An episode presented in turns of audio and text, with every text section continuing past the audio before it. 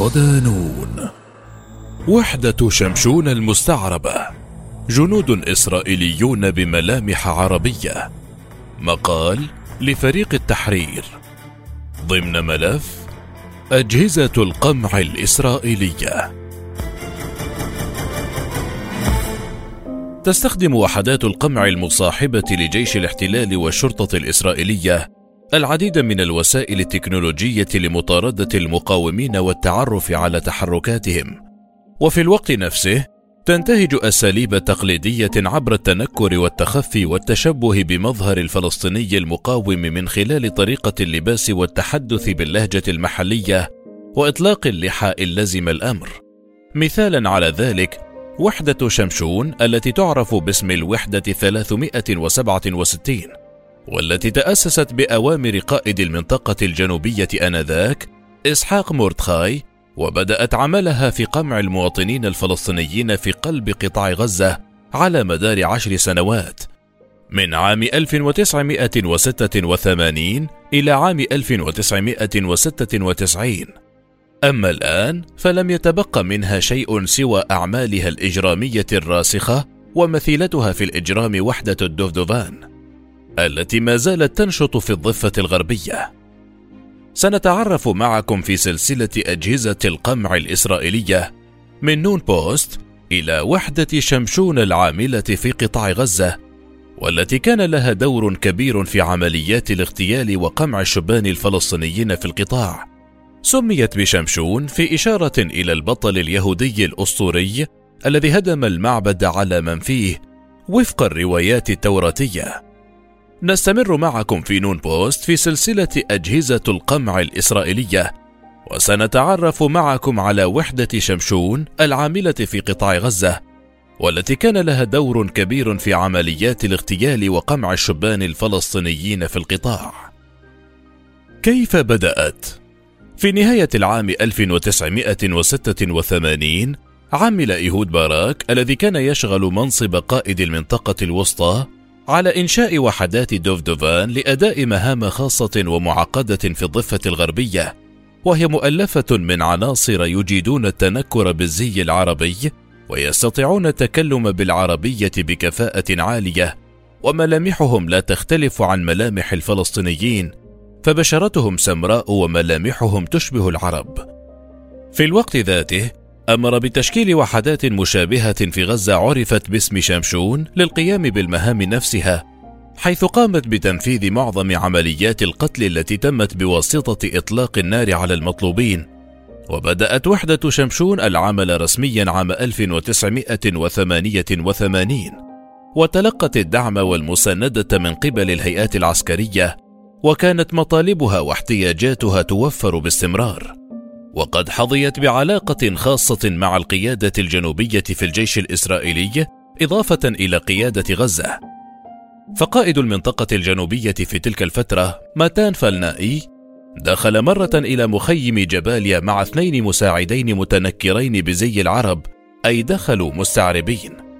وبعد عشر سنوات قام القائد الصهيوني ماتان فالنائي والذي شغل أيضا منصب نائب رئيس هيئة الأركان بحلها شخصيا عام 1996 أي بعد التوقيع على اتفاق أوسلو إذ إن الظروف الميدانية في القطاع وطبيعته الجغرافية والديمغرافية لم تشجع القيادة العسكرية الإسرائيلية على استخدام هذه الوحدات في أعقاب قيام السلطة الوطنية الفلسطينية. وصل فلناء إلى قاعدة شمشون في كيسوفيم وهي مستعمرة يهودية في شمال صحراء النقب في فلسطين المحتلة كانت مقرا للوحدة، وأعلن عن حلها بقوله: نقلنا جزءا من أعضاء الوحدة إلى وحدة دوفدوفان في الضفة الغربية لتعزيزها، وقسما إلى وحدة إيجوز العاملة على الحدود اللبنانية. إعادة التشكيل مع اندلاع انتفاضة الأقصى أعاد جيش الاحتلال بناء وحدات شمشون من جديد وتخصصت هذه المرة في العمل الميداني الخاص باقتحام القرى والأحياء الفلسطينية بغرض تصفية أو اختطاف المطلوبين إلى جانب حراسة قوافل المستوطنين التي تتحرك ليلا بين المستعمرات ومناطق الثمانية والأربعين المحتلة. أعاد الجيش الإسرائيلي تشكيلها من جديد لتعمل على حدود قطاع غزة فيما يسمى بوحدة التقاط العملاء على الحدود وتنشط هذه الوحدة الاستخباراتية في المنطقة المحاذية للخط الفاصل بين دولة الكيان وقطاع غزة وتقوم باختطاف المزارعين وتسليمهم لمحقق جهاز المخابرات الداخلية الشباك حيث يخضعونهم للتحقيق لتحصيل أي معلومات قد تفيد في ضرب المقاومة الفلسطينية أو لإسقاطهم في وحل العمالة. ومن أساليب وحدة المستعربين الجديدة التنكر في زي تجار خضار يرتدون الزي الشعبي الفلسطيني ويتنقلون في سيارات شحن من نوع مرسيدس كابينة وهي السيارة التي يستخدمها التجار الفلسطينيون.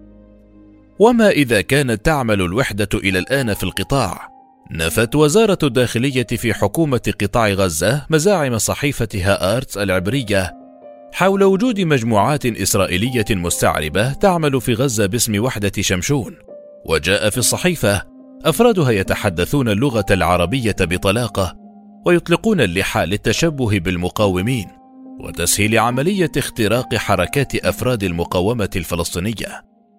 وأوضحت الوزارة أن الادعاءات الإسرائيلية محض أكاذيب، تهدف إلى رفع الروح المعنوية المهزومة لدى الجيش الإسرائيلي وشن حرب نفسية في صفوف المقاومين بغزة وإرباكهم ولا صحة لأي أنباء تتحدث عن وجود الوحدة ميدانيا في أراضي قطاع غزة. شهادات حية من عناصر وحدة شمشون. نشرت القناة الثانية في التلفزيون الإسرائيلي تقريرا عن وحدة شمشون وقد شمل تقرير لقاءات مع عدد من ضباط وعناصر الوحدة تحدثوا لأول مرة بشكل علني عن عمليات التصفية والإعدامات الميدانية التي نفذوها من مسافة صفر ضد شبان فلسطينيين. يعرض التقرير تفاصيل عمليتي اغتيال نفذها عناصر الوحدة. الأولى عملية اغتيال أسامة النجار عام 1992 قائد تنظيم صقور فتح في خان يونس. اتهمه الاحتلال الإسرائيلي بإعدام عملاء للاحتلال. والثانية عملية اغتيال أنور إصليح متهم من الاحتلال بأنه أطلق النار على وحدة شمشون خلال عملية اغتيال النجار. ويقول التقرير إن معلومات وصلت من جهاز الشباك الإسرائيلي لوحدة المستعربين عن مكان وجود قائد صقور فتح في خان يونس أسامة النجار. تحركت وحدة المستعربين للمكان دون أن تعلم بالضبط في أي جزء من المبنى يوجد أسامة اقتحموا المبنى وبعد اشتباك مع عناصر الوحدة قتل فيها ضابط وجرح آخر استشهد أسامة النجار. أما عن اغتيال أنور صليح فقد كان في مظاهرة وفي الظلام. تتبعه عناصر وحدة المستعربين بين المتظاهرين ومن مسافة ثلاثين سنتيمترا وجها لوجه أطلق عناصر وحدة المستعربين النار معا على أنور صليح ما أدى إلى استشهاده فورا. ويروي أحد عناصر الوحدة تفاصيل ما بعد الاغتيال. بدأنا نسمع صراخا وصيحات الله أكبر والجمهور أخذ يبتعد للخلف ليفهم ما يجري. فهم سمعوا صوت رصاص دون أن يروا شيئا. وخلال التراجع للخلف لوضع مخزن رصاص جديد في المسدس شاهدت أحد عناصر الوحدة على الأرض مصابا بأربع رصاصات في الظهر. وفي تلك العملية قتل اثنان من عناصر الوحدة وأصيب آخرون. كان من المهم بمكان التعرف إلى هذه الوحدة التي نشطت سابقا في قطاع غزة والتي كان لها دور في تصفية الشبان الفلسطينيين لكن أعمالها في القطاع لم تستمر ربما لخصوصية القطاع السكانية والديمغرافية واتباع الغارات الجوية سبيلا للقتل والإجرام على أبناء قطاع غزة المحاصرين من كل حدب وصوب.